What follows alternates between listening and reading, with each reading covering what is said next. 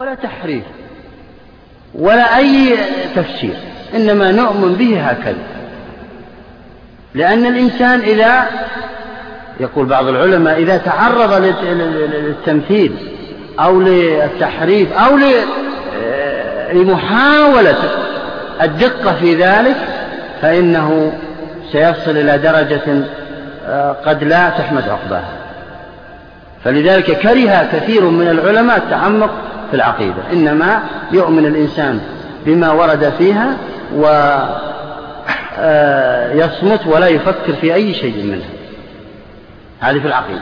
هذا كلام كثير من العلماء. نعم. أعد العبارة. المذهب الخامس الصحيح. والصحيح أن المتشابه ما ورد في صفات الله سبحانه مما يجب الإيمان به ويحرم التعرض لتأويله. كقوله تعالى ويحرم التعرض لتأويله يعني لتفسيره لكيفية كنهه. نعم. كقوله تعالى الرحمن على العرش استوى بل يداه مبسوطتان لما خلقت بيدي ويبقى وجه ربك تجري بأعيننا. ونحوه. فهذا اتفق السلف رحمهم الله على الإقرار به وإمراره على وجهه وترك تأويله. فإن الله سبحانه ذم المتبعين لتأويله وقرنهم في الذم بالذين يبتغون الفتنة وسماهم أهل زيغ. وليس في طلب تأويل ما ذكروه من المجمل وغيره. نعم. آه هذا بدأ في الرد على أقوال الآخ... الأقوال الأخرى السابقة الأربعة. هو يقول إن هذا هو المراد من المتشابه وهو ما ورد في الأسماء والصفات آه التي ينبغي الإيمان بها وعدم التعرض لتأويلها لأن السلف قد اتفقوا على إمرارها وعدم التعرض لأي تفسير لها أو التفكير فيها. نعم. وقد ورد عن بعض الأئمة أنه نهى السائل عنها لما سأل بعضهم الإمام مالك عن الاستواء استواء على العرش. نعم. قال استواء مع المعروف والسؤال عنه بدعة. نعم. إلى آخره. نعم. وليس في طلب تأويل ما ذكروه من المجمل وغيره. نعم. ما يذم به صاحبه. آه نعم لأنه في الآية السابقة آه ذم أهل التأويل. ذم أهل التأويل. وهم لما قالوا إن المتشابه هو المجمل بعضهم أو بعضهم قال هو الذي لا يعرفه إلا العلماء كذا هذا لا يلزم صاحبه بل يمدح لأنه يبين لأنه يبين الأحكام الشرعية فيها. نتوقف على هذا وصلى الله على نبينا محمد وعلى آله وصحبه أجمعين. المذهب الخامس. والصلاة والسلام على رسول الله.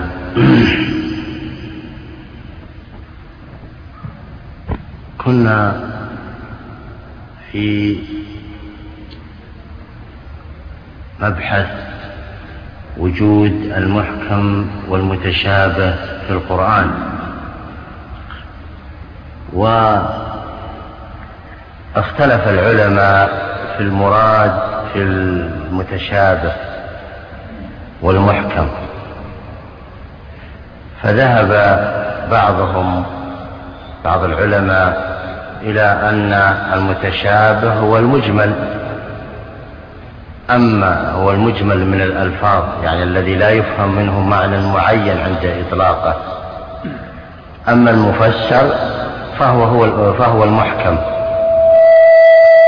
وقال وهذا القائل بهذا أبو يعلى الحنبلي. نعم.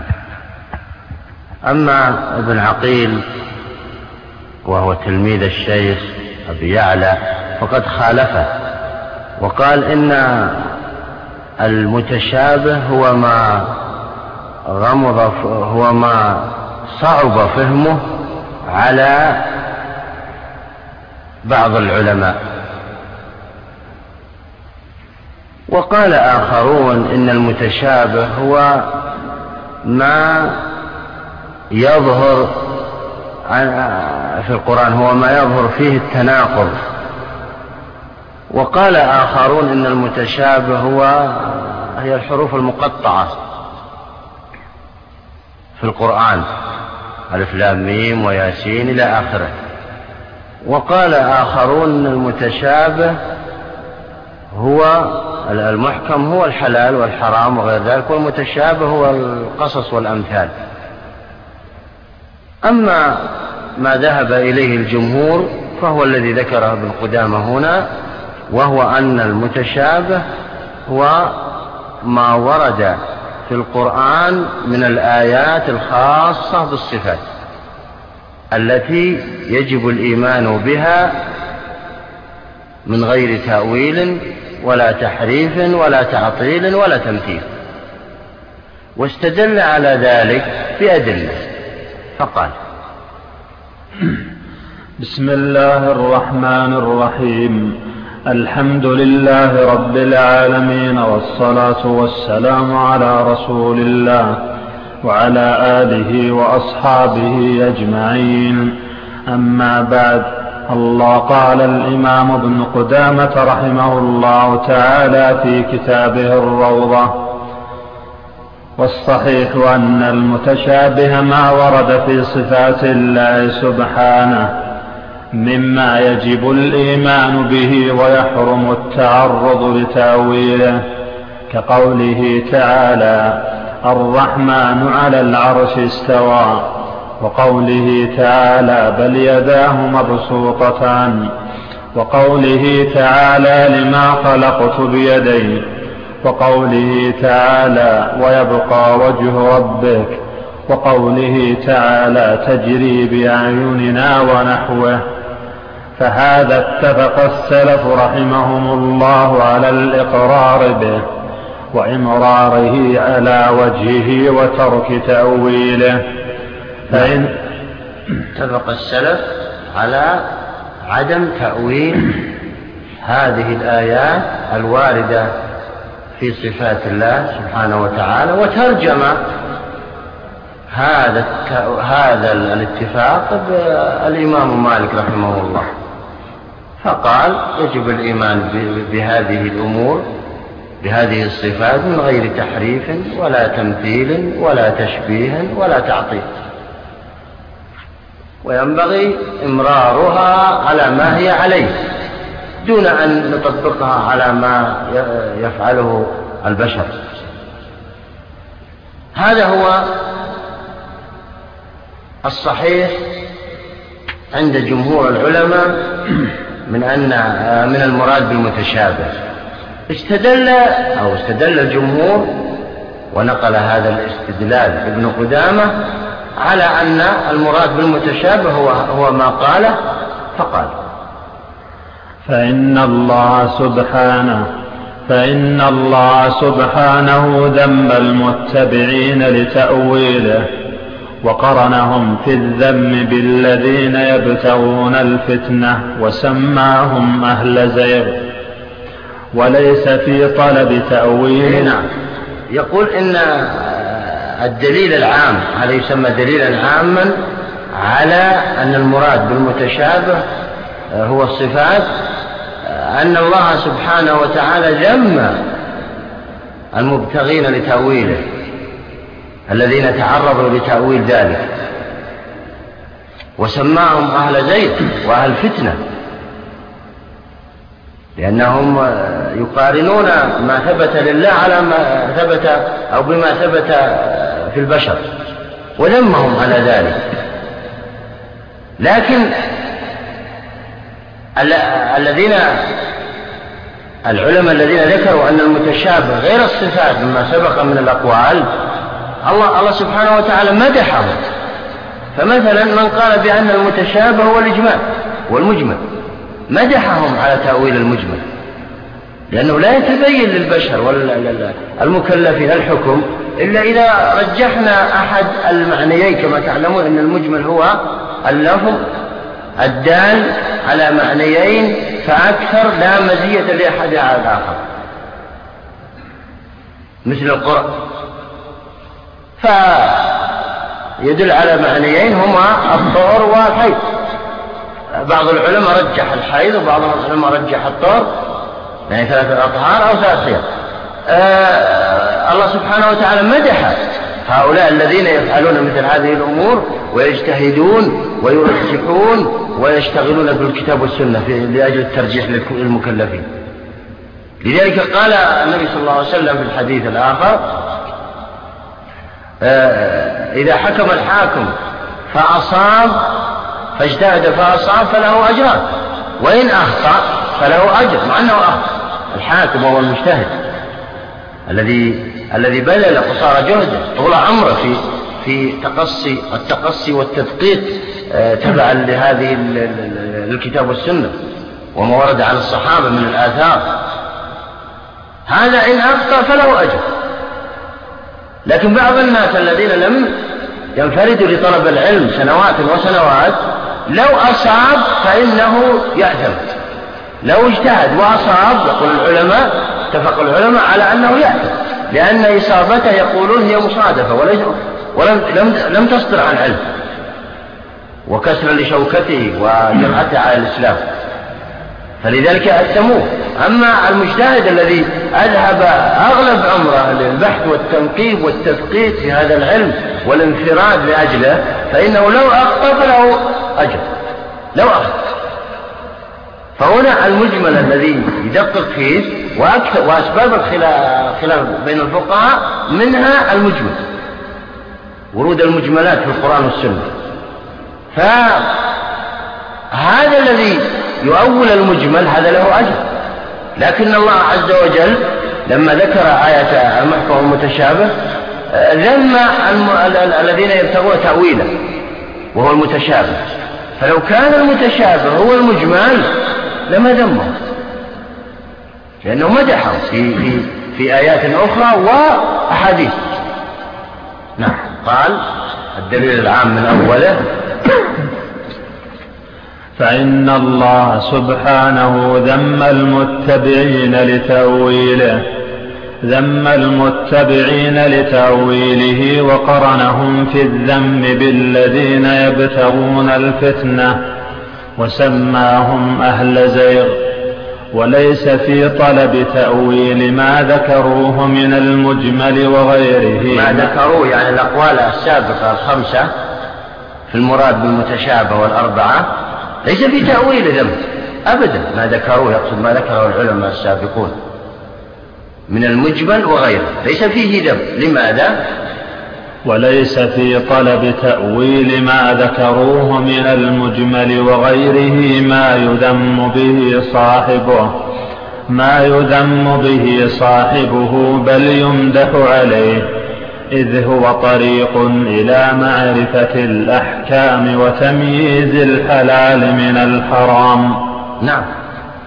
لولا هؤلاء العلماء لما بانت لنا كثير من الآيات لأن بعضها مجمل. ما رجح فيها معنى المراد. والله سبحانه وتعالى أراد هذا الإجمال وأراد الاختلاف بين العلماء للتيسير على الأمة. المهم أن هؤلاء يمدحون. لماذا يمدحون؟ لأنهم يخدمون المكلفين في هذا. فيعلمونهم ما الذي يعملون به من هذه المعاني. مثل الشفق مثلا. حدد وقت المغرب عند مغيب آخر وقت المغرب وبداية وقت العشاء عند مغيب الشفق والشفق يطلق على البياض والحمرة عند العرب وهذا مجمل. فالعلماء رجحوا واحدا منهما فهذا يمدح عليه. أما الذين يبتغون تأويل المتشابه والمقصود به الصفات فالله سبحانه وتعالى ذمهم وسماهم أهل فتنة وأهل زيغ لأنهم يؤدون بالأمة إلى الفتنة. في هذا. نعم. ولأن ولأن في الآية ولأن في الآية قرائن تدل على أن الله سبحانه منفرد بعلم تأويل المتشابه. وأن الوقف الصحيح عند قوله تعالى وما يعلم تأويله لفظا ومعنى. وأن الوقف الصحيح هو عند قوله وما يعلم تأويله إلا الله. أضيفوا إلا الله. ما ذكرها. يقول أنها ساقطة. هذا الوصف الصحيح في الآية. يقصد هنا الدليل الخاص. على أن المراد بالمتشابه آه، هو الصفات التي أوردها الله سبحانه في كتابه والتي ينبغي الإيمان بها بدون تأويل ولا تعطيل ولا تمثيل ولا تفكير فيها. لذلك ذم أكثر العلماء المتعمقين في العقيدة إلا من أراد أن يرد شبهة على المبطلين. فهنا بدأ بالأدلة الخاصة على أن المراد هو أن المتشابه هو الصفات فيقول في الآية في لفظ الآية ومعناها ما يدل على ما قلناه أما الدليل من اللفظ فقال أما اللفظ فلأنه لو أراد عطف الراسخين لقال ويقولون آمنا به بالواو. وأما نعم. يعني يقول إن الوقف على إلا الله وما يعلم تأويله إلا الله. لو لو كانت الواو عاطفة في قوله والراسخون لا. جعل الله عز وجل واوا قبل يقولون. لأننا سنعطفها عليها لكن الله سبحانه لكن الواو هنا للاستئناف والابتداء وفي قوله والراسخون. فالراسخون مبتدأ ويقولون خبر. هذا الذي ينبغي أن نقول. لأن الوقت الصحيح على قوله وما يعتوله إلا الله. أما الراسخون فهي ابتدائية فالراسخون في العلم يعني أدق علماء الأمة يقولون آمنا. آمنا به. لا يتعرضون لتأويله إننا إن إنما الذي ينفرد بتأويله ومعرفة معناه هو الله عز وجل فقط. فهذا الدليل من اللفظ. ولو نعيد الكلام. لو كان الراسخون في العلم يعلمون تأويل هذه الصفات لكانت الواو عاقفة وما يعلم تأويلها إلا الله والراسخون في العلم. طيب كلمة يقولون ماذا نعرفها؟ ما لها إعراب إذا والراسخون في العلم يقولون من الذي يقول؟ الله والراسخون. هذا غير صحيح. لكن العلماء أو الجمهور العلماء والمعتد بأقوالهم قالوا إن الوقف الصحيح على قوله إلا الله. والواو آه، الواو ابتدائية واستئنافية والراسخون مبتدأ وكلمة يقولون خبر الراسخون خبر الراسخين لو كانت الراسخ معطوفة على الله لا أضاف واوا قبل كلمة يقول لكنه لم يذكر واو. فهذا يدل على أن الوقف الصحيح على قول إلا الله. واضح الكلام؟ نعم. هذا من حيث اللفظ. أن أن أن العلماء مهما بلغوا من الرسوخ في العلم والدقة والفقه والفطنة والذكاء لا يمكن أن يبلغوا أن يؤولوا هذه الصفات مهما كان. لكن المجمل غير مما ذكر العلماء الآخرون المتشابه يستطيعون تأويله. يستطيعون تأويله بأدلة لغوية يعرفونها. حيث أن شروط المجتهد ينبغي آه، منها أو من أهمها أن يبلغ درجة الاجتهاد في اللغة العربية. أن يبلغ درجة الاجتهاد في اللغة العربية وإلا لا يصلح أن يفسر قرآنا ولا ولا سنة ولا أن يستنبط أي حكم من أحكام آه، من الأحكام من آية أو سنة. لأن القرآن أو السنة فيها دقائق وعجائب وغرائب ما يستنبطها إلا من ترسخ في اللغة العربية نعم أما المعنى معنى الآية يدل على أن الوقوف على قوله إلا الله. نعم. وأما المعنى فلأنه ذم مبتغي التأويل ولو كان ذلك للراسخين معلوما لكان مبتغيه ممدوحا لا مذموما. نعم. يعني هذا الدليل من مفهوم المخالفة.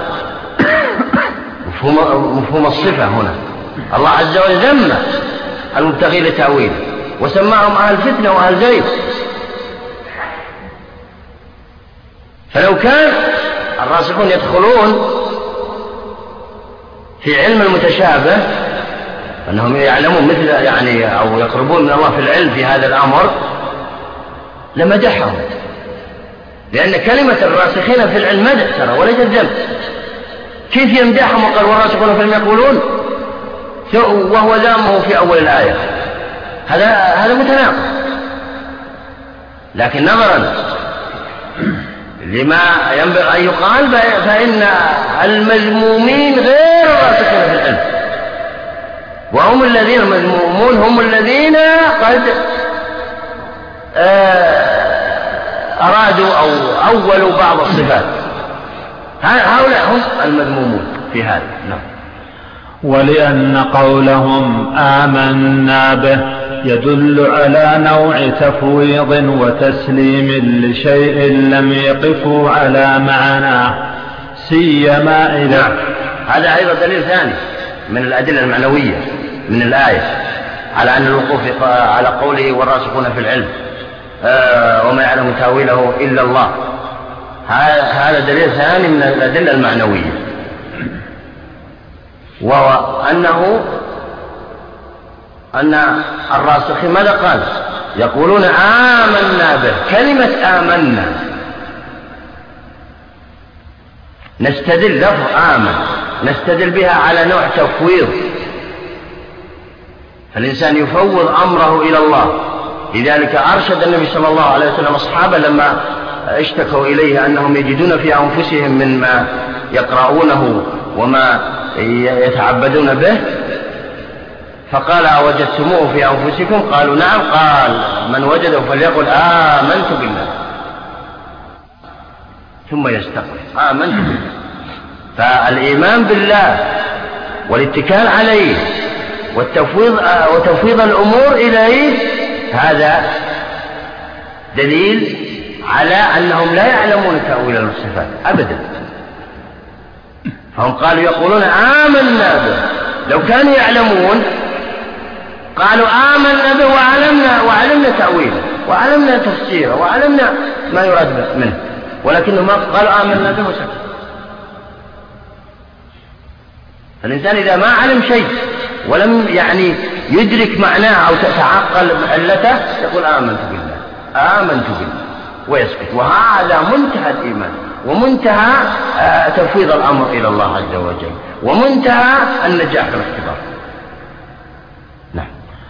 ولأن قولهم آمنا به يدل على نوع تفويض وتسليم وتسليم لشيء لم يقفوا على معناه سيما إذا اتبعوا. يعني يقصد كلمة آمنا فيها أو فيها استنباط. أو تدل على هذه اللفظة على التفويض الأمر لله. مثل قول الحنفية لما رجحوا أن المراد آه، في لما اختلفوا في هل الأصل الحيض أو الأصل الطهر قالوا إن عندنا الأصل الحيض. لماذا قالوا إن كلمة يئس واللائي يئسن كلمة يئسن أصول هذه الحروف معناها أن التي يئست من الحيض الكبيرة التي التي بلغت الخمسين أو الصغيرة التي لم تبلغ التاسعة هذا هذه تعتد بالأشهر. تعتد بالأشهر. هذا يدل على أن الأصل الحيض فكذلك الإيمان بالله. يدل على نوع تفويض. إلى الله. في شيء لم يعلموا معناه. إن لو كانوا يعلمون معناه لعللوه وبينوه وبينوا المراد منه. وهذا يدل على أن يدل على أن الراسخين هي المبتدأ ويقولون هو الخبر وما بعدها زيادة في الخبر وبيان للخبر. نعم. سيما إذا اتبعوا سيما إذا اتبعوه بقولهم كل من عند ربنا. نعم. هذه بيان أيضا. قالوا آمنا به كل من عند ربنا. يعني كل المحكم والمتشابه من عند ربنا. لا داعي لأن نشغل أنفسنا ونشغل أوقاتنا ونضيع عباداتنا وندقق في أمور. الله عز وجل أمرنا بالإيمان بها فقط. ما أمرنا بتأويله. ولم وحتى العوام ما يطلبوا منا تأويله أو بيانه العوام يطلبوا ماذا سيعملون؟ ماذا سيفعلون في الأحكام التكليفية في الفروع الفقهية؟ لا يريدون وهم يعني 99% من المسلمين هم عوام. فيريدون ما الذي يفعلون في صلواتهم وصيامهم وحجهم وزكواتهم وبيوعهم وشرائهم وغير ذلك من الأمور. هذا الذي يريدون. أما مسألة العقيدة فيكفيه أن يعلم الله أن الله خلق والصفة وبعض الأسماء والصفات ويكفي وانتهى الأمر. فيقول آمن به كل من عند ربنا يعني المحكم الذي عرفنا معناه والمتشابه الذي لم نعرف كل من عند ربنا. نعم.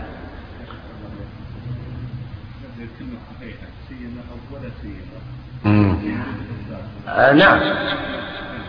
لا سيما هذه يجوز أن يعني كلمة سيما يجوز أن نحذف لا ويجوز أن نثبتها. يقول بعض العلماء النحويون لا فرق بينها سيما كذا أو لا سيما كذا. وتكون للإثبات. بعضهم قال هذا وبعضهم قال لا أن لا سيما نفي وإثبات. فينبغي إما أن تأتي بهما وإما أن تحذفهما. نعم. أيضا يا شيخ. التفويض يكون لكيفية الصفة أما تفويض المعنى فلا يكون لها معنى. لا شك أن التفويض هو هو بيان لما فوضوا بيان البيان إلى الله عز وجل هو بيان الكيفية.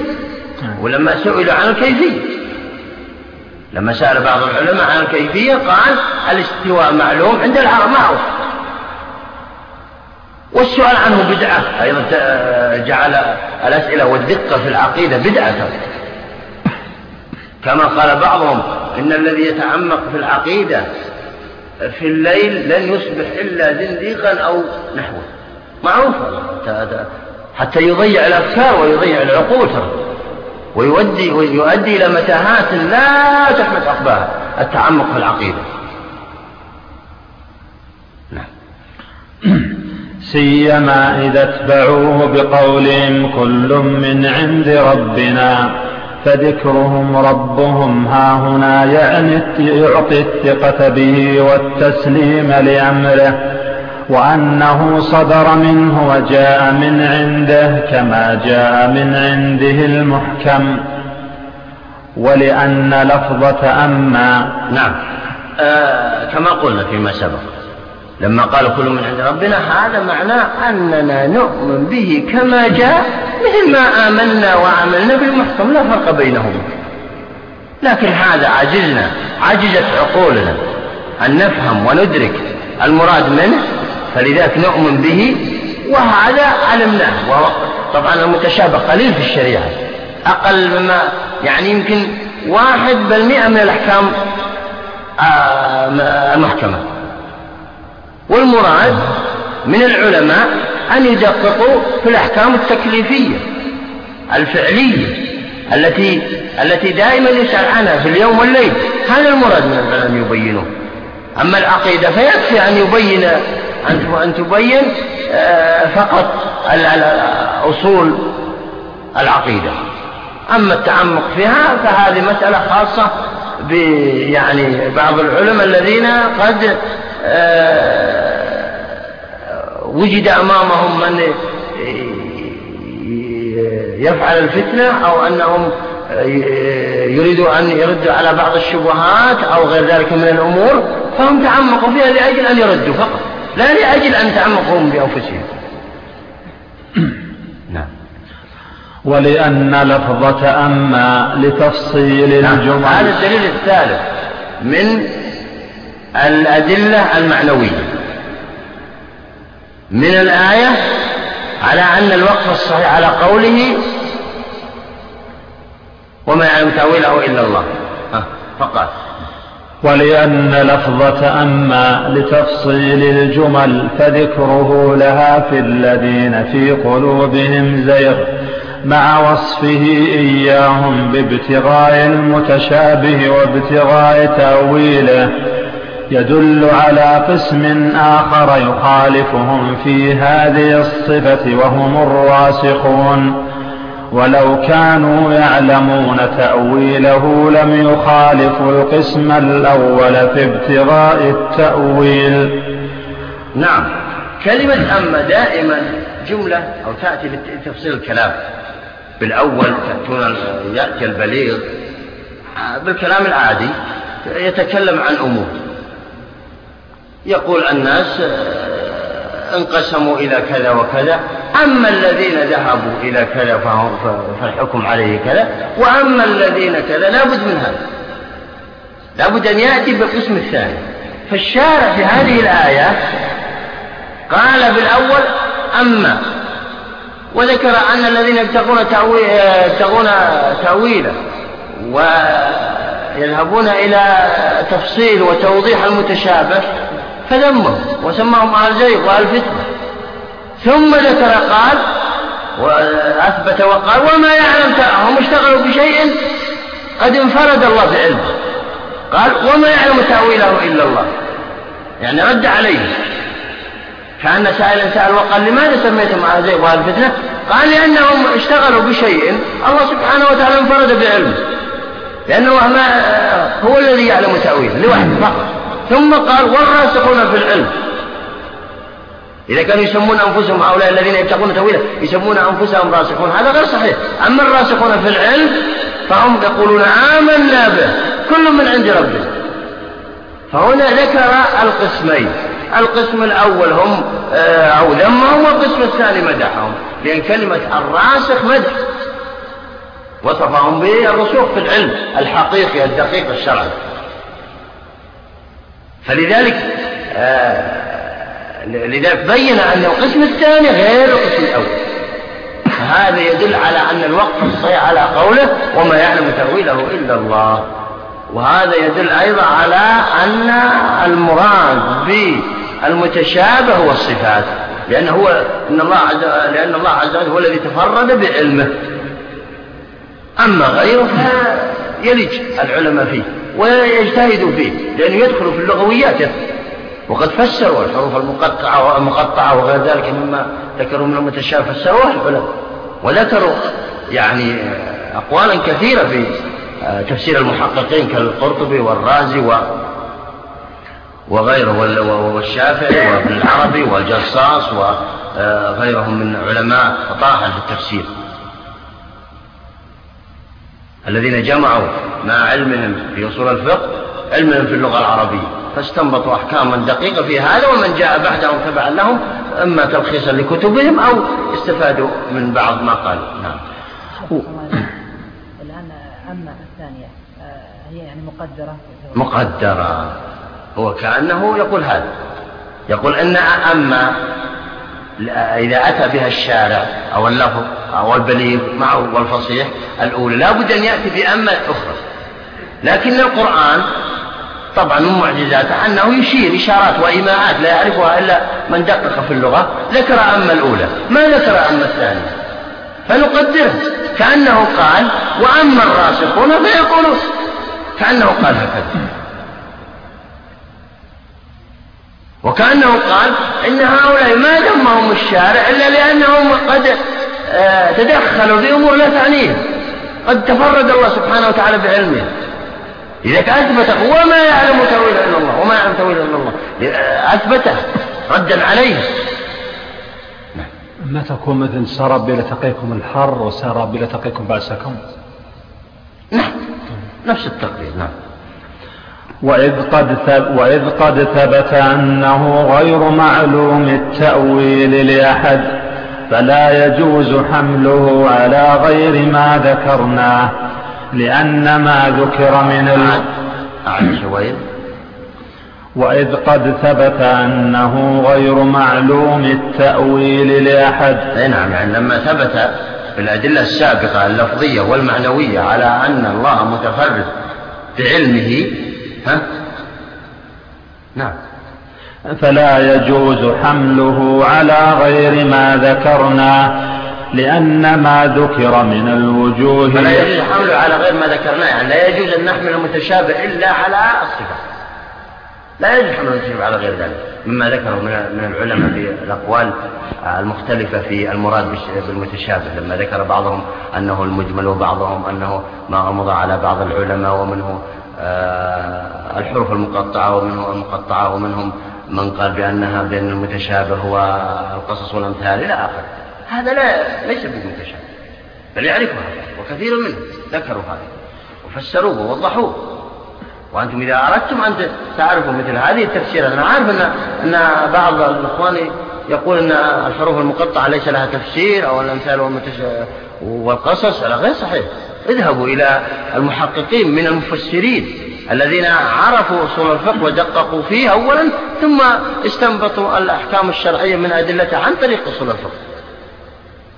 وليس اختصار أو نحو من ذلك.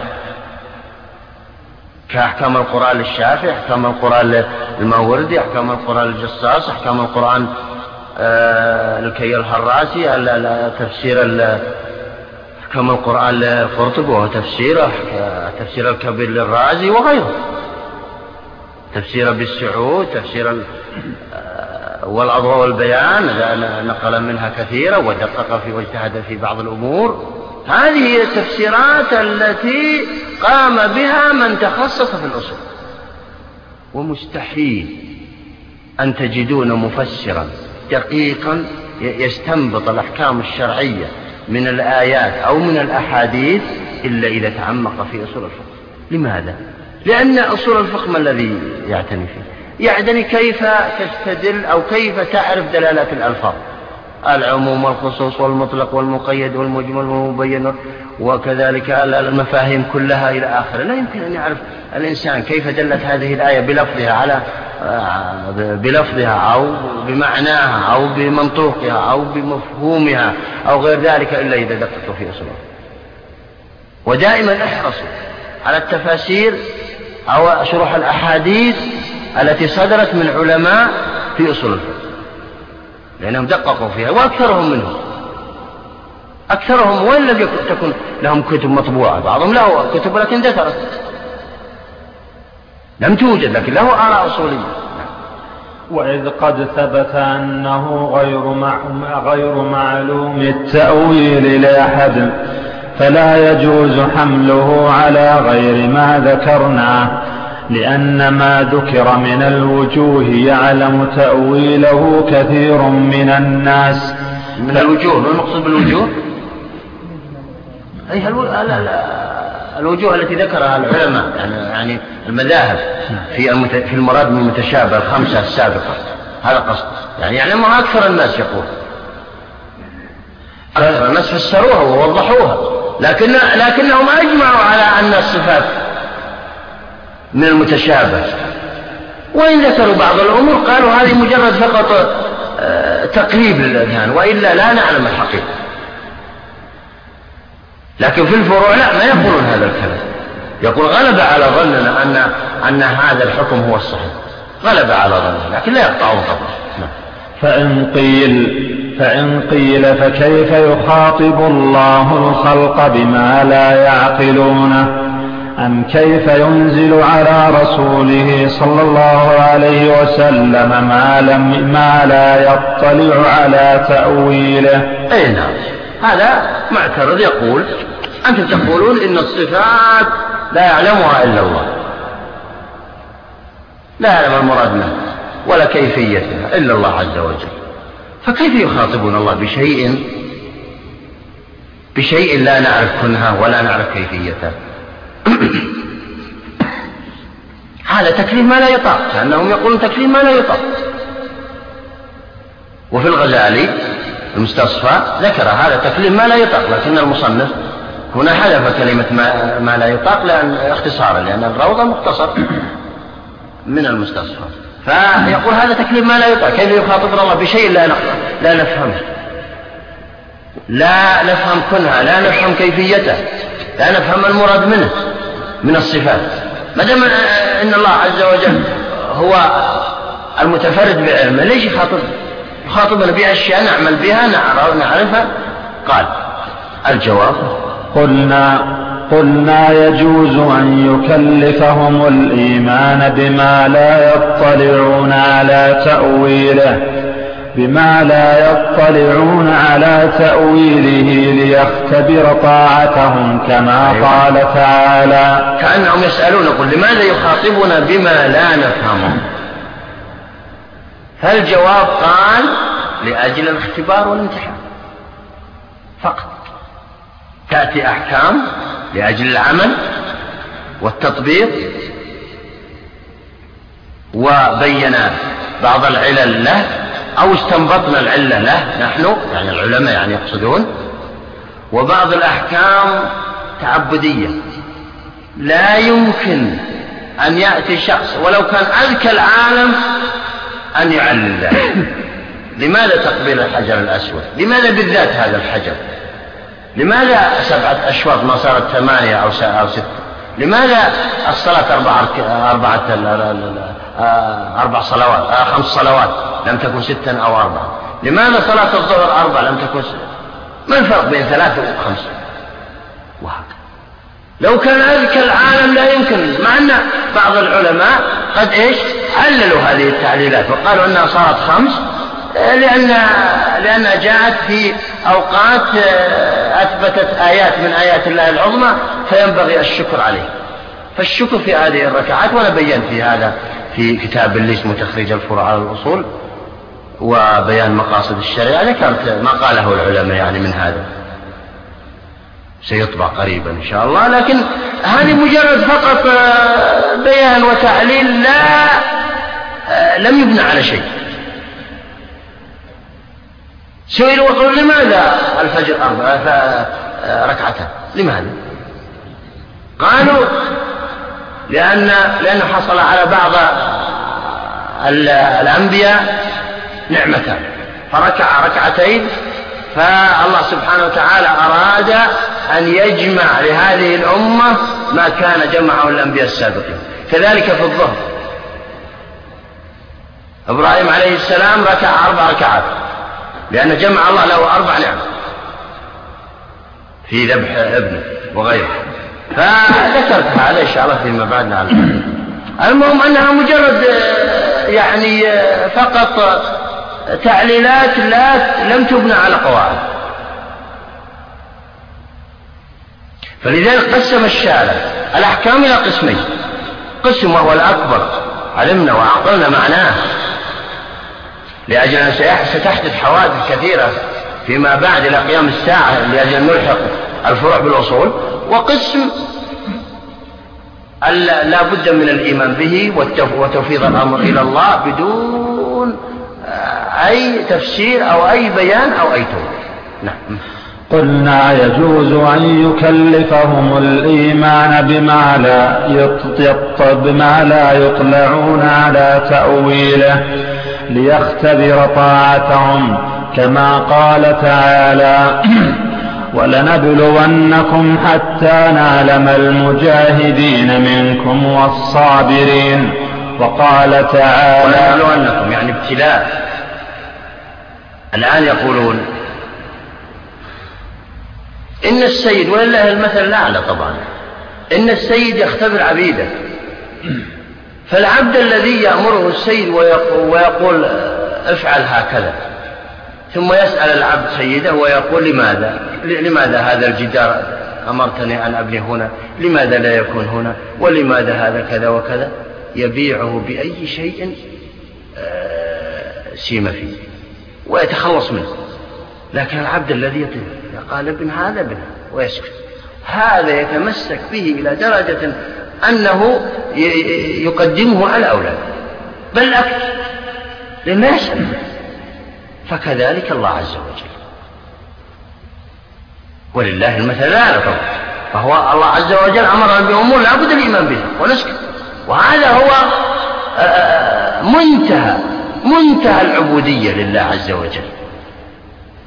مثل الآن ذبح الذبائح. يقولون أن الذبيحة مثلا الأضحية لو كانت بستمائة ريال.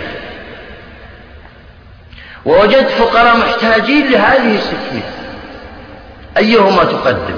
هل تشتري الذبيحة وتذبحها؟ مع أنك يمكن لا تأكل لحمها أو لا تأكل إلا القليل أو أنك تتصدق بهذه الستمائة على هؤلاء الفقراء؟ يقول لا الذبح. يقدم لماذا؟ ووجدت فقراء محتاجين لهذه الستمائة أيهما تقدم؟ هل تشتري الذبيحة وتذبحها؟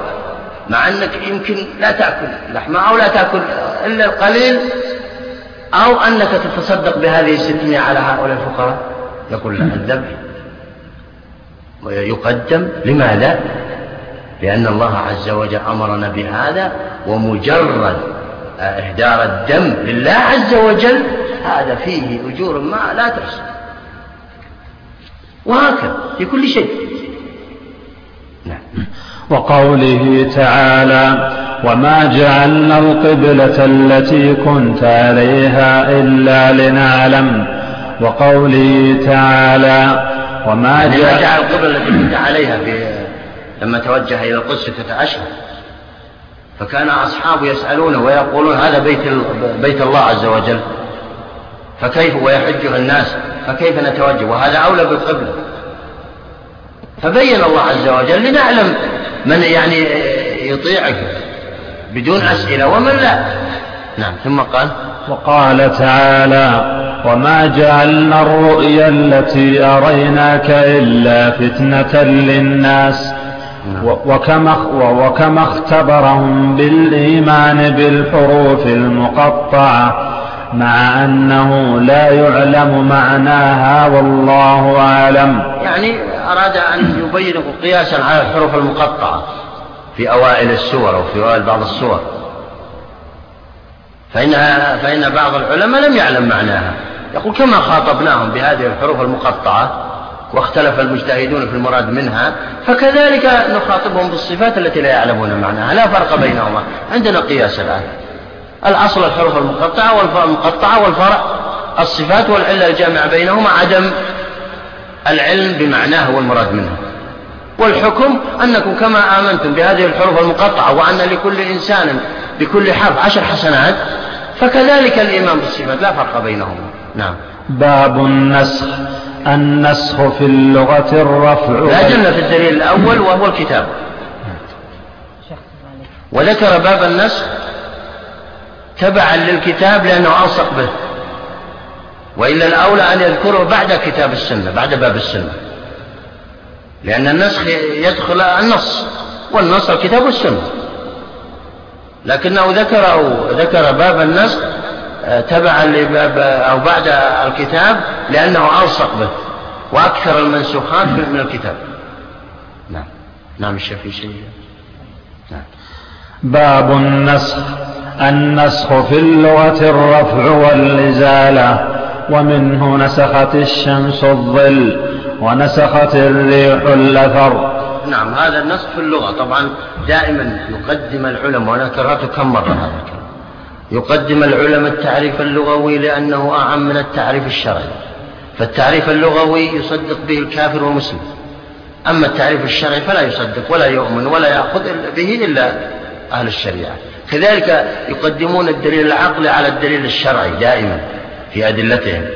لأن لأنه يخاطب عقلاء الناس من كفار ومسلمين لكن الأدلة الشرعية لا يؤمن بها إلا أهل الشريعة.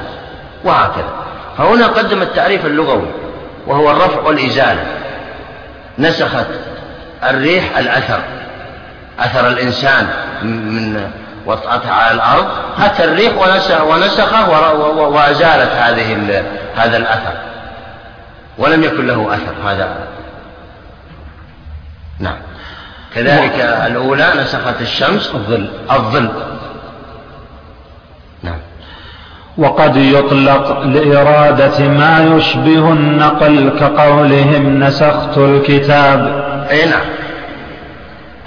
طبعا النسخ هو النسخ في اللغة وفي غير اللغة وفي الشرع. هو أن ينسخ شيء ويؤتى بشيء آخر. ينسخ شيء ويؤتى بشيء آخر. الشمس نسخت الظل. أتت الشمس وأذهبت الظل. يعني أتت الشمس بدلا. كذلك الأذى نسخ كذلك الريح نسخت نسخ الأثر وهكذا. أما هنا قال ما يشبه النقل. يطلق عليه. نسخت الكتاب. لما نسخ الكتاب وضع عنه شيء آخر ما وضع. لذا قال ما يشبه النقل. ولم يقل آه أنه آه رفع وإزالة. نعم يلا فأما النسخ في الشرع فهو بمعنى الرفع والإزالة لا غير وحده رفع الحكم الثابت بخطاب متقدم بخطاب متقدم بخطاب متراخ عنه أي نعم. هو النسخ في حقيقته عند الجمهور أنه رفع الحكم الثابت بخطاب متقدم. رفعه بخطاب متأخر. يعني من شروطه من شروطه أن يكون ثابت بخطاب شرعي. وأن يرفع بخطاب شرعي. هذا من شروط إيش؟ النسخ. لندقق بحقيقة النسخ حتى لا تختلط علينا التعريفات الأخرى التي ستأتي واعتراضات المعتزلة كما سيأتي. فهنا مثلا متاعا إلى الحول غير إخراج هذا أتى أتى الشارع وأثبت أن المرأة المتوفى عنها آه تعتد سنة كاملة. وأثبته وانتهى الأمر ولا نعلم مدته. ما قال متاع لسنة لسنتين لعشر سنوات وسيأتي ناس ما ذكر شيء. أتانا فجأة فجأة لاحظ أتانا فجأة نص آخر ونسخ هذا. أربعة أشهر وعشر. هذا هو النسخ الشرعي. أما لو أتانا مثلا أن كان جاهلية فعلا يجعلونها سنة. المرأة تعتد. واستمر وسكت الإسلام عن ذلك. ما بين في النص متى عن الحول غير إخراج. ما بين شيء. ثم جاءنا أربعة أشهر ما يسمى نسخا.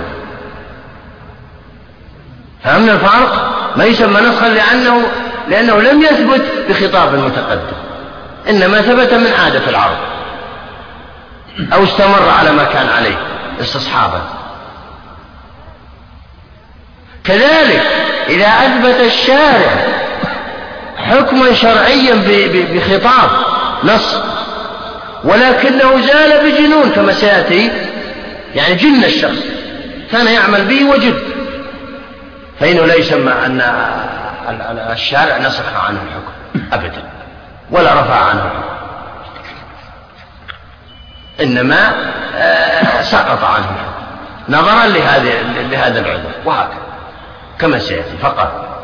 ومعنى الرفع ومعنى الرفع إزالة الشيء على وجه إزالة الشيء على وجه لولاه لبقي ثابتا على مثال على مثال رفع حكم الإجارة بالفسخ فإن ذلك يفارق زوال حكمها بانقضاء مدتها. ما الفرق الآن هو الآن في هذا الكلام يبين مراده من التعريف. نفهم التعريف حتى نفهم الفرق بينه وبين التعريفات الأخرى. ما الفرق بين فسخ الإجارة أو انتهاء مدتها؟ أنا استأجرت دارا لمدة سنة. وانتهت المدة أو أنه بعد شهرين من السنة انهدم البيت بآفة سماوية أو آه، حصل أي عذر. ففسخت الإجارة. ما الفرق بينهم؟ فسخ الإجارة وانتهاء مدتها. ها؟ الفرق بينهما أن فسخ الإيجار هو النسخ. كان كان سيمثل الآن بمثال محسوس يعني يقصد في هذا. أن فسخ الإيجار هو النسخ يعني أتى فجأة. أتانا فجأة. ما كنا أنا أنا يعني معتمد على أن الإيجار سنة كاملة. أتاني فجأة بعد شهرين انفسخت الإيجار بأي عذر من الأعذار؟ هذا يسمى نسخ وهو المراد بالخطاب الشرعي أنه أتى فجأة. أما كونه آه، انفسخت الإجارة أو انتهت انتهى مدتها هذا ليس نسخا أبدا لأني عندي علما عندي علم بأن في السنة القادمة في اليوم الفلاني ستنتهي الإجارة هذا ليس آه ثم أتم الصيام إلى الليل. هذا لا يسمى نسخ لا يسمى نسخ لأني عارف أني سأصوم إلى مغيب الشمس. وهكذا. فيقصد من هذا من هذا التعريف هو أن يأتي الخطاب الناسخ فجأة وبدون مقدمات هذا الذي يقصده من هذا المثال. واضح الكلام؟ واضح في المثال المحسوس نعم. ثم قال آه. قال انه إذا تم الحكم ما عاد يدخله النسخ. يعني مثل الإجارة إذا تمت ما عاد يدخلها النسخ. لا شك. يعني يقصد هو الآن لما أتانا وقال متاع حول غير إخراج. هل فيها ما يدل على أن هذا الحكم محدود بمدة معينة؟ ما في. حكم مطلق. في جميع الأزل إلى قيام الساعة. لذلك لذلك الصحابة رضوان الله عليهم كانوا يعلموا كانوا يعملون بالحكم على أنه سيستمر. فإذا جاءهم الناسخ تركوه. وكان شيئا لم يكن. وعملوا بالنسخ مع أنهم يتوقعون النسخ لكثرة ما ينسخ من الآيات والأحاديث ولكثرة ما أن النبي صلى الله عليه وسلم يخبرهم بهذا يتوقعون أن هذا سينسخ لأنه يشابه ذاك الحكم لكنهم يعملون به. على سيستمر نعم. وقيدنا وقيدنا الحد بالخطاب المتقدم. وقيدنا الحد بالخطاب المتقدم لأن ابتداء العبادات في الشرع مزيل لحكم العقل مزيل لحكم العقل من براءة الذمة وليست بنسخ. أي نعم. يعني ابتداء العبادات التي جاءت ابتداء لا تسمى ناسخة لما كان عليه الجاهلية. من العبادات كانوا يحجون في الجاهلية. وكان لهم آه، آه، يعني شروط للحج ولهم أمور خاصة بهم إلى آخره. لما أتى الحج بهذه الطريقة وحج النبي صلى الله عليه وسلم وقال خذوا عني مناسككم ووقف وبات في مزدلفة وكذا ورمى الجمرات وطاف. هذا ليس مناسخ لما كان يفعله الجاهلية ليس لأنه أتى ابتداء. يسمى ابتداء. لكن الناسخ المقصود به هو أن يثبت بخطاب صريح واضح ثم يأتي خطاب آخر وينسخ. هذا هو النسخ المراد في الشريعة ولا تخلطه سيأتينا كلام المعتزلة غير هذا. نعم. وقيدناه بالخطاب الثاني لأن زوال الناسخ. الخطاب الثاني الناسخ الذي يعني وقيدناه بالخطاب الثاني لأن زوال الحكم بالموت والجنون ليس بنسخ. نعم. لا بد أن يزال الحكم المتقدم الثابت بخطاب متقدم. لا بد أن يزال بخطاب من الله أو من رسوله المتكلم عنه سبحانه وتعالى. أما أنه يزيع شخص مثلا وسقطت عنه التكاليف كلها. هذا لا نسميه نسخ عنه الأحكام. هذا مستحيل. مثل ما أننا لم نقل بأن هذه البهائم يباح لها أن تفعل كذا أو المجنون يباح له أن يفعل كذا. هذا لا يجوز أن نعبر, أن يعبر به العلماء. لأن الإباحة خاصة بالمكلف. نقول المكلف هذا يباح له أن يأكل أن يلبس أي ثوب ألوانه كذا وكذا أن ينام بأي وقت. لكن المجنون أو الصبي أو البهيمة لا نقول أنه يباح لها كذا لأن الإباحة من الأحكام التكليفية ولا تلتصق إلا بمكلف. نعم. وقولنا مع تراخيه عنه لأنه لو كان متصلا به كان بيانا وإتماما لمعنى الكلام وتقديرا له بمدة وشرط. أي نعم. هذا الشرط الثالث. الشرط الأول أن يثبت بخطاب ونص واضح جلي. الشرط الثاني أن يرفع بخطاب واضح جلي. الشرط الثالث أن يكون الخطاب الثاني متأخر عن الخطاب الأول. لا يكون معه. لا يكون معه في النص. مثل آه أي نعم. ثم ثم الصيام إلى الليل. هذا ليس بنص هذا معروف أنه إذا جاء المغرب انتهى الأمر. وقال قوم وقال قوم النسخ كشف مدة العبادة بخطاب ثان. إي نعم. هذا بعض العلماء وبعض المعتزلة عرفوه بهذا. هو المصنف آه، أضاف التعريف الثالث إلى المعتزلة وهذا غير صحيح. بعض المعتزلة ذهبوا إلى هذا التعريف الثاني وبعض المعتزلة ذهبوا إلى التعريف الثاني.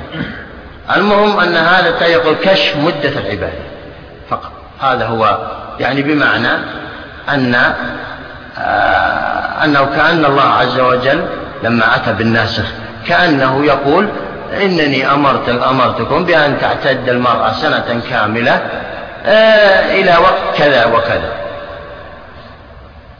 فلما جاء هذا الوقت كشفنا أن أن مدة العبادة بتلك أو مدة العمل بتلك بذلك الحكم انتهى. بيان مدة العبادة. وهو الكشف يعني المقصود بالكشف والبيان. نعم. وقال قوم النسخ كشف مدة العبادة بخطاب ثان.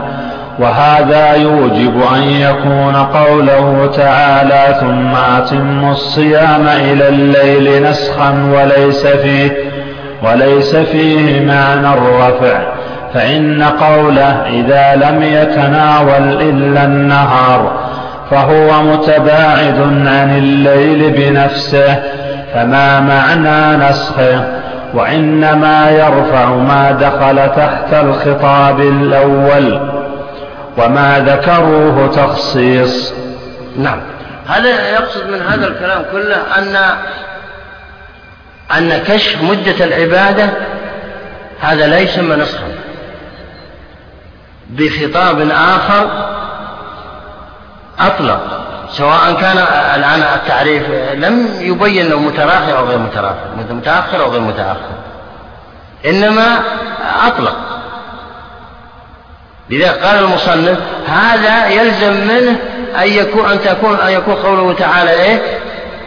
ثم ثم الصيام. إلى الليل نسخ مع أن الخطاب واحد. وهذا غير صحيح. طبعا هذا الكلام وجهة نظر ابن قدامة تبع للغزالي لكن الحقيقة أن أصحاب هذا التعريف لم يقصدوا هذا. لم يقصدوا هذا. كشف مدة العبادة بخطاب ثان آه تعريفهم هو قريب لتعريف الجمهور في السبب فيما سبق. لكنه نقص أن يقولوا متأخر عنه هذا كل ما في الأمر. وإلا هو قريب منه ويقصدونه. حتى أنه آه، بعض آه، أبو إسحاق الإسفرايني بين آه، فيما نقل عنه نقل عنه الزركشي أن المراد هو رفع الخطاب الأول بخطاب آخر. ولكن عبرنا بكشف لكونها أبين وأوضح. كأن الشارع قال العمل بهذا الحكم وهو أن تعتد المرأة سنة كاملة لمدة كذا وكذا لما جاء الناسخ انتهت مدته. انتهت صلاحيته. مثل ما نقول انتهت صلاحية العمل بهذا. وهكذا. نعم. وما وهذه وجهة الغزالي نقلها ابن قدامة وهذا غير صحيح. فإن التعريف الثاني قريب من التعريف الأول. إلا أنه لو أضافوا عبارة وهي بخطاب ثان متراخ عنه لكان أولى وكان نفس التعريف السابق. نعم. وما ذكروه تخصيص على أن نسخ العبادة قبل وقتها وما ذكروه تخصيص. هذا غير صحيح. التخصيص يختلف عن النسخ كما ستأتينا الفروق. فرق المصنف بينهما فروقا كثيرة. فليس ما ذكره تخصيص وإنما هو نسخ وقد فسر بعض العلماء لهذا. لذلك لذلك ينبغي علينا جميعا أننا إذا قرأنا تعريفا نقله بعض الشافعية عن بعض الحنابلة أو بعض الحنفية. أو بعض المالكية ينبغي أن نذهب ونأخذ هذا التعريف من كتبهم لأنهم أعلم بتفسير أعلم بمرادهم أما أننا يأتي حنبلي أو يأتي شافعي ويفسر كلام من كلام المعتزلة أو كلام المالكية أو غير ذلك هذا غير صحيح وغير مأخوذ منه. لكن العلماء نقلوا عن بعضهم هذا ليبحث ويدقق فيه. وصلى الله على نبينا محمد. شرف الأسبوع القادم نكمل نعم. بسم الله الرحمن الرحيم. الحمد لله رب العالمين والصلاة والسلام على رسول الله وعلى آله وأصحابه أجمعين. اللهم اغفر لنا ولشيخنا وللحاضرين. برحمتك يا أرحم الراحمين. أما بعد قال الإمام ابن قدامة رحمه الله تعالى في مبحث باب النسخ وما ذكروه تخصيص على نعم. لازلنا في التعريف الثاني للنسخ وهو كشف مدة العبادة. قال بعضهم إن النسخ هو كشف مدة العبادة ولكن ابن قدامة قد رد عليهم بردود. أولها أن كشف مدة العبادة هذا ليس فيه رفع لحكم وإنما هو انتظار لآخر مدة العبادة. فيلزم على قولهم أن الغاية نسخ. مثل قوله تعالى ثم أتم الصيام إلى الليل. يلزم على هذا أن هذا نسخ. بمعنى أن أنه لما جاء الليل نسخ وجوب الصيام. وانتهى الصيام ويسمى هذا نسخ وهذا غير صحيح. بل هذا هذا يسمى غاية. غاية للكلام متصل به. هذا الجواب. ودلل على ذلك وقال بأن الصيام في النهار متباعد عن الليل. فكلما قرب الليل كلما تباعدنا عن النهار. هذا يعرفه أي إنسان. أي عام يعرف أننا إذا قربنا إلى الليل معناه أنه آه، قد زال النهار أو قرب أن يزول. وهذا ليس هو مراد النسخ. مراد النسخ أن يثبت بخطاب أن يثبت الحكم بخطاب ثم يأتي الناسخ فجأة بدون سابق علم. فينسخ ذلك الحكم. أما كون الليل إذا جاء ناسخ لصيام النهار هذا غير صح هذا غير لا يمكن أن ينطبق هذا عليه. لعلمنا السابق بأنه إذا جاء الليل انتهى الصيام. فأي علم سابق لنا به لا يسمى نسخا ولا يمكن أن ينطبق عليه النسخ المعروف شرعا. هذا جواب الجواب الثاني قال إنه تخصيص. يعني أن هذا التعريف تعريف للتخصيص وليس تعريف للنسخ وليس تعريفا للنسخ لماذا؟ لأن من المخصصات المتصلة الغاية. اذهب إلى البلدة الفلانية فقط لا تتعدى. وقاتلوا الذين كفروا ثم قال في آخر الآية حتى يعطوا الجزية عن يد وهم صاغرون.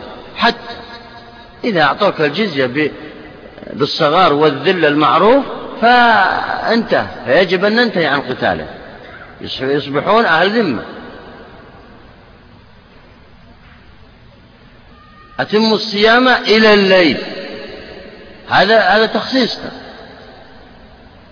فالمخصصات المتصلة كما ستأتينا الاستثناء والغاية والصفة إلى آخر. هذا جواب ثاني. نعم. وما ذكروه تخصيص. هذا الجواب الثاني كما قلنا. نعم. على أن على أن نسخ العبادة قبل وقتها والتمكن من امتثالها جائز. هذا الجواب الثالث. يقول إن نسخ العبادة قبل التمكن من امتثالها جائز عندنا. مثل نسخ أمر الله عز وجل لإبراهيم بذبح ابنه. فقد أمر الله عز وجل إبراهيم بأن يذبح ابنه ثم لما استعد لتمثيل الأمر نسخة. وفدي بذبح عظيم يعني فدي هذا الذبح وانتهى الذبح ما ذبح. فهذا يسمى نسخ الشيء قبل التمكن من امتثاله عندنا. وتعريفكم السابق هو كشف مدة العبادة. لا ينطبق على هذا. إذا تعريف إذا يكون التعريف هنا غير جامع لأفراد المعرف. لأنكم تريدون تعرفون النسخ أليس كذلك؟ ونسخ العبادة قبل التمكن من امتثالها كما مثلنا جزء من أجزاء النسخ فتعريفكم غير شامل لها فيسمى غير جامع لأفراد المعرف. يعني بمعنى أن التعريف خاص والنسخ أعم منه فلا يصلح للتعريف. فلا يصلح ما ذكرتموه لأن يكون تعريفا للنسخ هذه ثلاثة أجوبة عن تعريف نعم. على أن نسخ العبادة قبل وقتها والتمكن من امتثالها جائز وليس فيه بيان لانقطاعها. نعم. وليس فيه بيان لانقطاعها كما قلتم في تعريفكم. تعريفكم هو بيان انقطاع العبادة أو كشف مدة انقطاع العبادة. ليس فيها انقطاع آه، آه، نسخ الشيء قبل التمكن من فعله أصلا ما بدأ بفعله أصلا ما تعبد الله فيه. يعني بمعنى ما بدأ بالعبادة الذي أمر به. فلا يسمى نسخا. إذا تعريفكم أقصر أو أخص من المعرف. إذا تعريفه غير جامع لأفراد المعرف. فينبغي أن يكون التعريف جامع لأفراد المعرف. جميع جزئية المعرف يدخل فيها. هذا التعريف الحقيقي كما هو يعني أو كما قلنا فيما سبق. نعم. وحد, وحد المعتزلة النسخ بأنه بأنه الخطاب الدال على أن مثل الحكم الثابت بالنص المتقدم زائل زائل على وجه لولاه لكان ثابتا. ولا يصح. نعم. هذا التعريف الثالث للنسخ. وهو تعريف المعتزلة. أو القدرية كما يسميهم الغزالي وتبع على ذلك ابن قدامة. هذا يسمى هذا هذا التعريف الثالث. وأيضا هو باطل. لأنهم عبروا بتعبير لا يوجد فيه لفظة رفع. والنسخ في حقيقته هو رفع الحكم الثابت بخطاب متقدم فجأة بخطاب متراخ عنه. هذا هو النسخ رفع يجب أن يرفع. يجب أن يمنع هذا هذا المكلف من العمل به. فجأة. وليس عنده سابق علم. وقد ودائما آه، اجعلوا في أذهانكم مثالا للنسخ الفسخ فسخ الإجارة. دائما. يعني بمعنى أن أننا أجرنا هذا البيت بكذا لمدة سنة. المستأجر يعرف أنه بعد السنة ستنتهي الإجارة. يعرف هذا بالعقل. لكن إذا فسخت الإجارة فجأة بعد شهرين أصابته آفة سماوية. هذا الفسخ العملي التطبيق هو نفسه النسخ كما سيأتي من الأمثلة وكما سبق. دائما يكررون هذا المثال لأجل تصوير النسخ للقوم الذين لم يتصوروه لذلك عرفوه بتلك التعريفات السابقة. هنا يقولون الحكم الذي أزيل بنص لولاه لما أزيل دون التعبير بلفظة رفع لأن الرفع في, في هذا الأمر آه، يقتضي ويلزم من هذه اللفظة الفجأة يلزم من هذه اللفظة وهو الرفع. أن الحكم قد رفع فجأة. نعم. ولا يصح ولا يصح لأن حقيقة النسخ الرفع وقد وقد أخلوا الحد عنه. أي نعم. يعني بمعنى أخلوا الحد. أضيف لفظة ترى الظاهر ساقطة نبهني عليها بعض أخلوا الحد عنه. آه نعم. أضيف هو مكتوب إيش؟ اللحد. لحد المهم أن أي تعريف من تعريفات يخلو من كلمة الرفع فإنها لا تصح لأن الرفع يلزم منها الرفع فجأة أو إزالة الحكم فجأة ولا يلزم من كلمة الإزالة لو عبروا أو كشف مدة العبادة لا يلزم هذا والتلازم والتلازم أو يعني دليل من الأدلة الشرعية التي يستدل بها من يدقق في الشريعة في الألفاظ. وليست التلازم دلالة لفظية. مثل مثلا قوله تعالى واللائي يئسن يئس هذه يلزم منها أن الأصل الحيض. يلزم من أصول الكلمة أصول الحروف هذه يئس أن الأصل هو الحيض. فإذا آه، عجزت ويأست من آه، الاتيان به أو أنها أو انقطع عنها تنتقل إلى بديله. فإن لم تجدوا ماء فتيمموا. مثل هذه الآية بالضبط. فلذلك الأصل الحيض كما قال الحنفية ومن تبعهم من العلماء.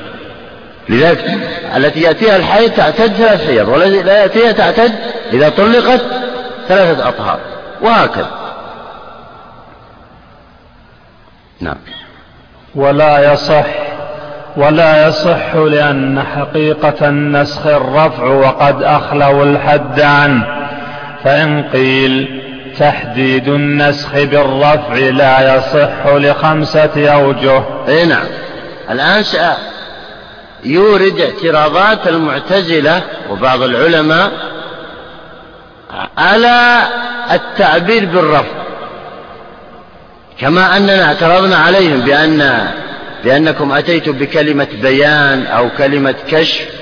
هذا لا ليست ليست ليس تعبيرا دقيقا. هم قالوا أيضا الرفع نحن نعترض على هذه العبارة. فانظروا إلى دقائق العلماء. ليس المقصود هو وجود الخلاف. وإنما المقصود في البحوث الإسلامية أن نستنبط مما ورد في الكتاب والسنة أحكاما شرعية دقيقة. فهنا اعترضوا على كلمة الرفع. كلمة الرفع يقول لما قالوا في تعريفهم هناك آه، رفع الحكم الثابت بخطاب متقدم بخطاب مترخن عنه قالوا هذه الكلمة أيضا رفع نحن آه، نجد عليه اعتراضات آه، وهي خمسة هي كما يلي. أولا أحدها أحدها أنه لا يخلو إما أن يكون رفعا لثابت أو لما لا ثبات له فالثابت لا يمكن رفعه وما لا ثبات له لا حاجة إلى رفعه. إي نعم. الأول, الأول منها استدلوا على أنها لا تصلح بالسبر والتقسيم. قالوا إما أن يكون الحكم ثابت وإما ألا يكون ثابت. ما عندنا إلا قسمان. فإن كان ثابتا لا يمكن رفض إن أثبته الله عز وجل يقول المعتزلة إن أثبته الله لا يمكن رفض كيف يرفع حكما قد أثبته؟ هذا تناقض. وإن كان غير ثابت فلا يحتاج إلى الرفض لأنه أصلا مرفوض لأنه غير ثابت. هذا أولا ستأتي الردود إن شاء الله فيما بعد. لكن سنصور أدلة القدرية أو غيرهم من المعتزلة أو من العلماء على كلمة الرفض. نعم. ثانيا. الثاني أن واضح الكلام هذا الأول؟ نعم. الثاني أن خطاب الله تعالى قديم فلا يمكن رفعه. نعم. يقولون أنتم قلتم إن الخطاب الخاص بالمكلف قديم. يعني من أول ما وجد هذا العالم الله عز وجل قدر الأقدار لكل فرد من الأفراد. فكيف بعد فكيف إذا نزل هذا الحكم الشرعي بفترة رفع لماذا أصلا لم ينزل الناسخ أصلا لماذا يرفع؟ وسيأتينا الجواب عن هذا. هم هذه أسئلتهم وهذه اعتراضاتهم على كلمة الرفع يقولون ما دام خطاب قديم جدا أول ما خلق العالم الله عز وجل قدر لكل على كل شخص ما سيصيبه. ولماذا إذا أنزله بعد فترة نسخه؟ هذا لا يمكن في حق الله يقولون. وانتبهوا. المعتزلة أو غيرهم ممن يتكلم لا يريدون لا يريدون تشويه الإسلام أو تشويه بعض الأمور انتبهوا. هم أرادوا تنزيه الله عز وجل من أن يتناقض كلامه. فكل يعني له رأيه وكل له يعني تأويله في الذي استدل عليه. نعم. الثالث الثالث أن الله تعالى إنما أثبته لحسنه فالنهي يؤدي إلى أن ينقلب الحسن قبيحا. أي نعم. الثالث من الاعتراضات على كلمة رفض أنهم يقولون إنه إذا نزل الحكم وأمر به الله عز وجل أنه حسن لأن الله لا يأمر إلا بحسن لا يأمر إلا بشيء يجلب المصالح ويدفع المفاسد لكن إذا رفع معناه أنه انقلب الحسن إلى قبيح. معنى أن اعتداد المرأة سنة كاملة أنه قبيح بعدما كان حسنا. وهذا تناقض في حق الله. كيف يأمر به والآن ينهى عنه؟ لا يمكن أن ينقلب ممكن بني البشر ممكن أنه يأمر اليوم بشيء ثم غدا يقول والله أنا رأيت أنه ليس بشيء. لا يصلح أن يؤمر به هذا فيغير لكن يقول الله مستحيل عليه هذا. لأن الله لا يأمر إلا بالشيء الحسن ولا ينهى إلا عن الشيء القبيح. فكيف ينقلب الحسن قبيح إذا قلنا بالرفع. نعم. هذا طبعا اعتراضاتهم وستأتي أجوبتها. نعم. الرابع. الرابع أن ما أمر به. إن أراد وجوده كيف ينهى عنه حتى يصير غير مراد؟ أي نعم. يقولون إن, إن الله أمر بالحكم الأول. إذن أراد ما أمر به إلا لأنه أراد فإذا رفعه معنى ذلك أنه لم يرده لم يرفعه وهو يرده فلذلك انقلب المراد غير مراد. وهذا تناقض. أيضا يقولون. نعم. الخامس أنه يدل على البدع فإنه يدل على أنه بدا له مما كان حكم به وندم عليه. وهذا محال في حق الله تعالى قلنا. نعم. يقولون إن كلمة الرفع إذا عبرنا بها فإنها لا تليق بحق الله عز وجل. ممكن الآدم الآدميين يعني يرفعون ما كانوا أمروا به في السابق لأنه بدأ لهم أنهم أمروا بشيء فيه أو مفاسد أكثر من مصالح. بدأ لهم. ظهر لهم أنه غير صالح لأن يكون أو لأن يأمروا به. ممكن هذا لكن الله عز وجل لا لا يجوز عليه البدء. لأنه لأن هذا معناه أنه ظهر له شيء كان خافيا عليه. والله سبحانه وتعالى مطلع على على أسرار على أسرار جميعا. فالإنسان قد يخفى تخفى عليه مصلحة فيأمر بشيء ثم غدا تتبين أن أنه أمر بمفسدة فيغير. ظهر له شيء غير ما لكن الله لكن لكن هذا مستحيل على الله عز وجل لأنه يعلم حقائق الأمور قبل أن يخلق هذا الخلق. فالله عز وجل لا يبدو له شيء فيما بعد. هم قالوا هذا وسيأتينا الجواب إن شاء الله. نعم. إذا فحد البدأ بدأ له ما كان خافيا عليه. أي نعم. يعني كأن هم نظروا إلى البدا هنا أو الظهور قالوا ظهر له شيء كان خافيا عليه. هذا لا يمكن بحق الله يقولون. أما بحق لا لا لا لا الإنسان فهو ممكن وجائز. أن, أن الإنسان دائما وفي كل يوم. الإنسان يعدل عن آرائه السابقة. في كل يوم ترى. ويندم. يمكن يأمر في الصباح ويندم على ما أمر به في المساء. ممكن هذا. لكن الله عز وجل العالم بخفايا. الأمور لا يمكن أن يجوز عليه مثل هذا. نعم. قلنا هذه اعتراضات خمسة على كلمة الرفع التي عبر بها الجمهور في تعريف النسخ. الآن سيجي. نعم. قلنا أما الأول ففاسد فإنا نقول بل هو رفع لحكم ثابت لولاه لبقي ثابت. ما هو الأول؟ الأول هم آه الذي في سبر التقسيم هناك. نعم. أنهم قالوا إما أنه ثابت أو غير ثابت الحكم. فإن كان ثابتا فلا فلا يمكن أن يرفع الثابت مستحيل. وإن كان غير ثابت فلا حاجة له إلى الرفع لأنه أصلا مرفوع. نعم. تحصيل حاصل. الجواب قال. أما الأول ففاسد فإنا نقول بل هو رفع لحكم ثابت.